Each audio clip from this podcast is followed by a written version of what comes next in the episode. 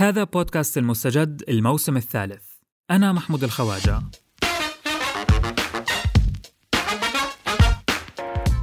كل ما بسأل عن موضوع العملات الرقمية بكتشف إنه في كتير ناس بيحاولوا يفهموا مبدأ البيتكوين وأخواتها بس مش ظابطة معهم.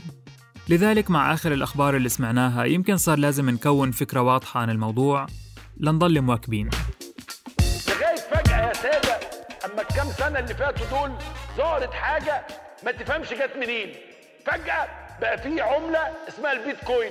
العملة دي جاية منين؟ محدش عارف. محدش فاهم. بأواخر 2020 جاوزت قيمة البيتكوين العملة الرقمية الأشهر عتبة العشرين ألف دولار. وفي أول أسبوعين من 2021 حطمت قيمتها أرقام قياسية جديدة بعد ما تجاوزت الثلاثين ألف ومن بعدها الأربعين ألف دولار قبل ما تتراجع شوي مرة تانية. يمكن اللي كان معه بيتكوين واحد بآخر السنة الماضية كان معه مجال يحقق ربح قيمته 20 ألف دولار خلال أقل من شهر.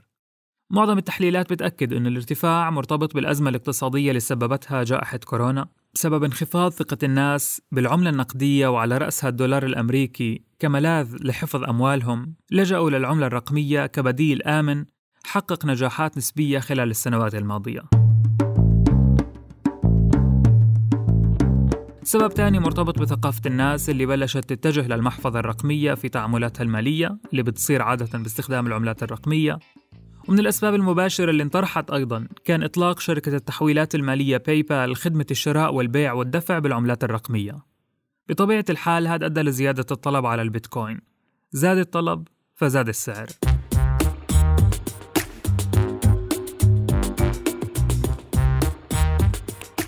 إلى جانب كثير من المستثمرين اللي لجأوا للبيتكوين كوسيلة للاستثمار في السنوات الأخيرة وممكن حققوا أرباح مع هالارتفاع. في مطور تكنولوجيا معلومات بريطاني اسمه جيمس هاولز كان عم بندب حظه. بال 2009 حط جيمس 7500 بيتكويناية في جيبته الافتراضية.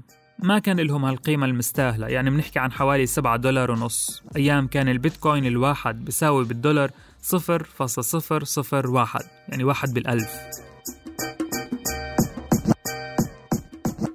ال 7500 بيتكوين كانوا أجر جيمس اللي تلقاه مقابل جهده لمدة أسبوع في تعدين هالعملة الرقمية اللي طالعة جديد. والتعدين في عالم العملات الرقمية زي البيتكوين يعني توثيق المعاملات أو الصفقات اللي بتتم بواسطة هاي العملة الرقمية. رح نحكي لاحقا ليش هذا السوق بحاجة لأشخاص يتكفلوا بمهمة التعدين. المهم عملية التوثيق كانت بتحتاج لخبير وجهاز حاسوبي بيتكفل بحل معادلات حسابية معقدة.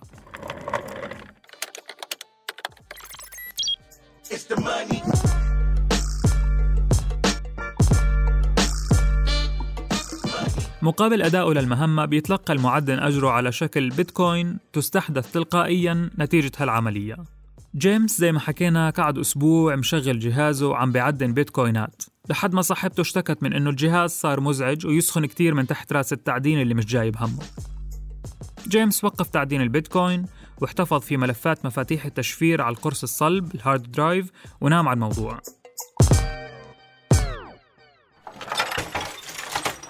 بصيف 2013 يبدو في يوم تعزيل لكراكيب البيت بيتخلص جيمس هاولز بالغلط من القرص الصلب اللي عليه 7500 بيتكوين.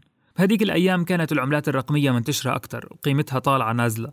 بس حسب التقديرات كانت 7500 بيتكوين بتساوي تقريبا نص مليون دولار. نص مليون دولار شقت طريقها لمكب نفايات مدينة نيوبورت جنوب المملكة المتحدة وصارت احتمالية استرجاعها شبه مستحيلة.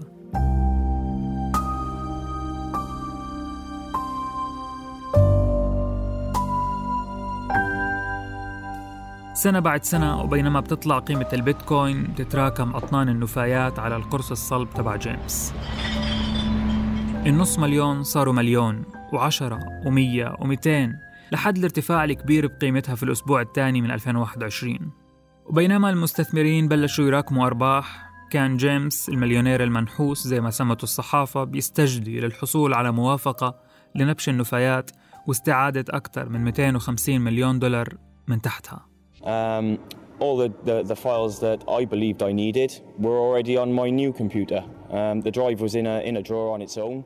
جيمس هاولز اللي العالم سمع قصته عرض على البلدية في مدينته ربع الثروة المفقودة في حال ساعدوه في نبش أطنان من النفايات الصلبة للوصول إلها رغم هيك لا يبدو أنه رح يحصل على الموافقات اللازمة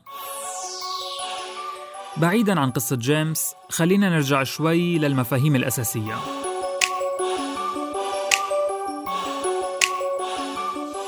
البيتكوين عملة رقمية افتراضية مشفرة مستخدمة إما للاستثمار أو لعمليات الشراء والتداول عبر الإنترنت. يعني بتشتري خدمة أو سلعة وبتدفع بالبيتكوين بدل الدولار والجنيه والدينار وبدون أي وسيط بين الشاري والبياع. التعاملات المالية من هالنوع بتعتمد مبدأ الند للند أو peer to peer بالإنجليزي. مفهوم العملة المشفرة كشكل جديد من المال مطروح من سنة 1998 بس بال 2009 صار أول تطبيق فعلي لهذا المفهوم من خلال عملة بيتكوين. الفضل بيعود لشخص اسمه المستعار ساتوشي ناكاموتو ظل مجهول الهوية إلى أن طلع مبرمج ورجل أعمال أسترالي سنة 2016 وادعى أنه هو ساتوشي ناكاموتو وقدم دلائل تقنية على هويته. My name is Craig Wright and I'm about to demonstrate um. اسمه الحقيقي كريغ رايت. وعلى ذمته كان له الدور الرئيسي في عملية إنشاء أول عشر قطع بيتكوين مع فريق من المساعدين. ومع ذلك واجهت ادعاءاته بعض الشكوك حتى يقال أنه مخترع البيتكوين ممكن يضل مجهول للأبد. بكل الأحوال ساتوشي ناكاموتو مين ما كان يكون ترك مؤسسة البيتكوين بعد سنة من إطلاق العملة الرقمية. ترك لنا اسمه اللي أطلق على أصغر وحدة من البيتكوين اللي اسمها ساتوشي. البيتكوين الوحدة تنقسم ل 100 مليون ساتوشي.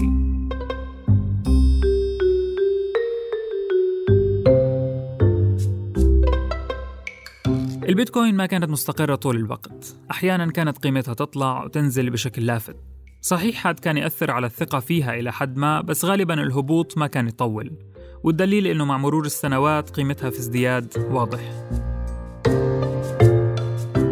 في 2013 شهد العالم أول صراف آلي مخصص للبيتكوين.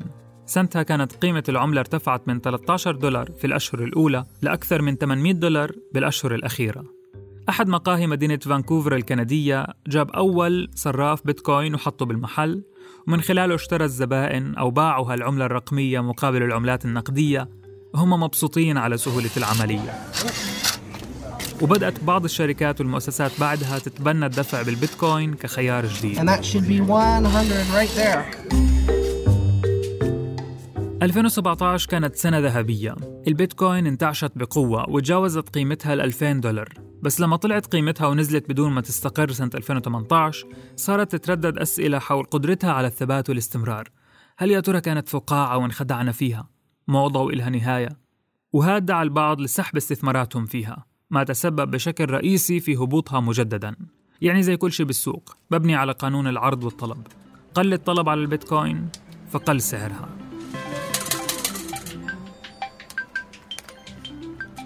طيب خلينا نرجع لمبدأ الند للند المبني عليه التعامل بالبيتكوين. اللي بنعرفه إنه معظم تعاملاتنا الاعتيادية بتمر من خلال وسيط زي المصارف مثلا. قبل ما تنتقل المصاري من المشتري للبائع يعني تعاملات ممكن تعقبها والرقابة عليها. أما تعاملات البيتكوين فبتصير من راسي لراسك. قطع البيتكوين بيكونوا إلي وبصيروا إلك بمجرد ما أقرر إني أدفع لك إياهم مقابل خدمة أو سلعة ما. بدون وساطة أي جهة تخصم علي عمولات تحويل أو تسألني من وين المصاري ولمين وكيف وليش. في شبكة البيتكوين ما في سلطة مركزية بتتحكم بالنظام أو بتغير البروتوكول وإنما الكل شريك في أي تطوير وتغيير. ولأنه ما في سلطة مركزية بتقرر إنشاء عملات بيتكوين جديدة أو عندها إمكانية لتعقب التعاملات المالية وتوثيقها فإحنا بحاجة للشخص اللي يتكفل بعملية التعدين أو ال mining بالإنجليزي. نفس العملية اللي جرب جيمس هاولز يعملها لمدة أسبوع زي ما حكينا بأول الحلقة.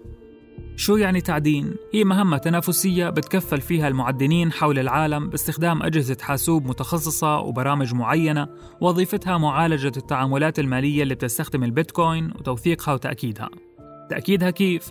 عن طريق تضمينها في سلسلة الكتل المعروفة بالبلوك تشين واللي هي بمثابة جسر عام بربط شبكة البيتكوين ببعضها طيب وشو بيستفيد المعدن؟ كنتيجة تلقائية لعملية التعدين تتولد بيتكوينات جديدة وبحصل عليها المعدن كمكافأة على خدماته يعني هل هاي الطريقة الوحيدة لتوليد قطع بيتكوين جديدة؟ نعم صحيح وهون بنشوف بوضوح مفهوم اللامركزية في عالم البيتكوين طيب وبما إنها عملة رقمية افتراضية هل ممكن نضل نولد عملات بيتكوين للأبد؟ شوي بس أشرب مي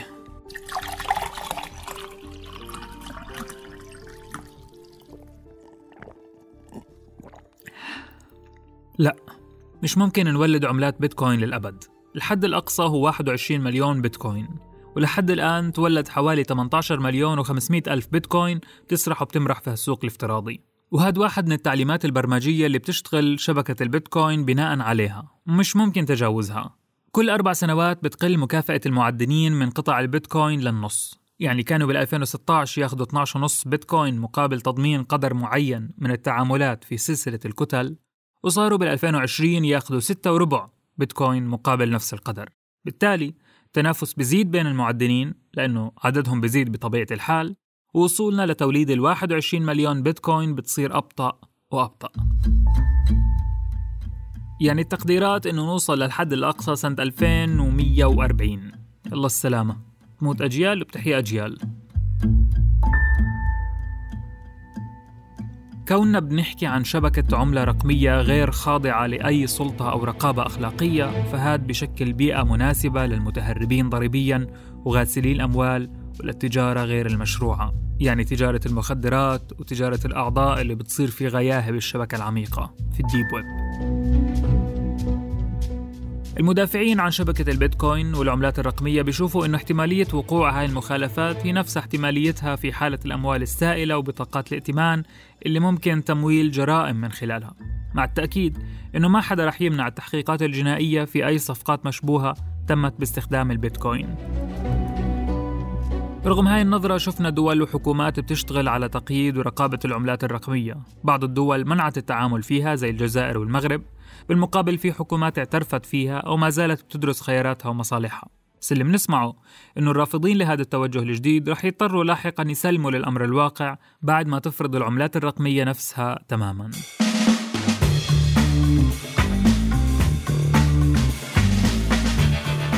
يمكن في سؤال مهم نطرحه قبل ما نختم الحلقة. هل رح يكتب للبيتكوين الاستمرار؟ الجواب صعب شوي. البيتكوين نفسها ممكن تستمر في النمو وممكن لا. أما مبدأ العملات الرقمية بشكل عام فكتير من المعطيات بتأكد إنه مش مجرد طفرة ورح تختفي وإنما ثورة مالية كنا محظوظين نعيشها ونشهد على بداياتها.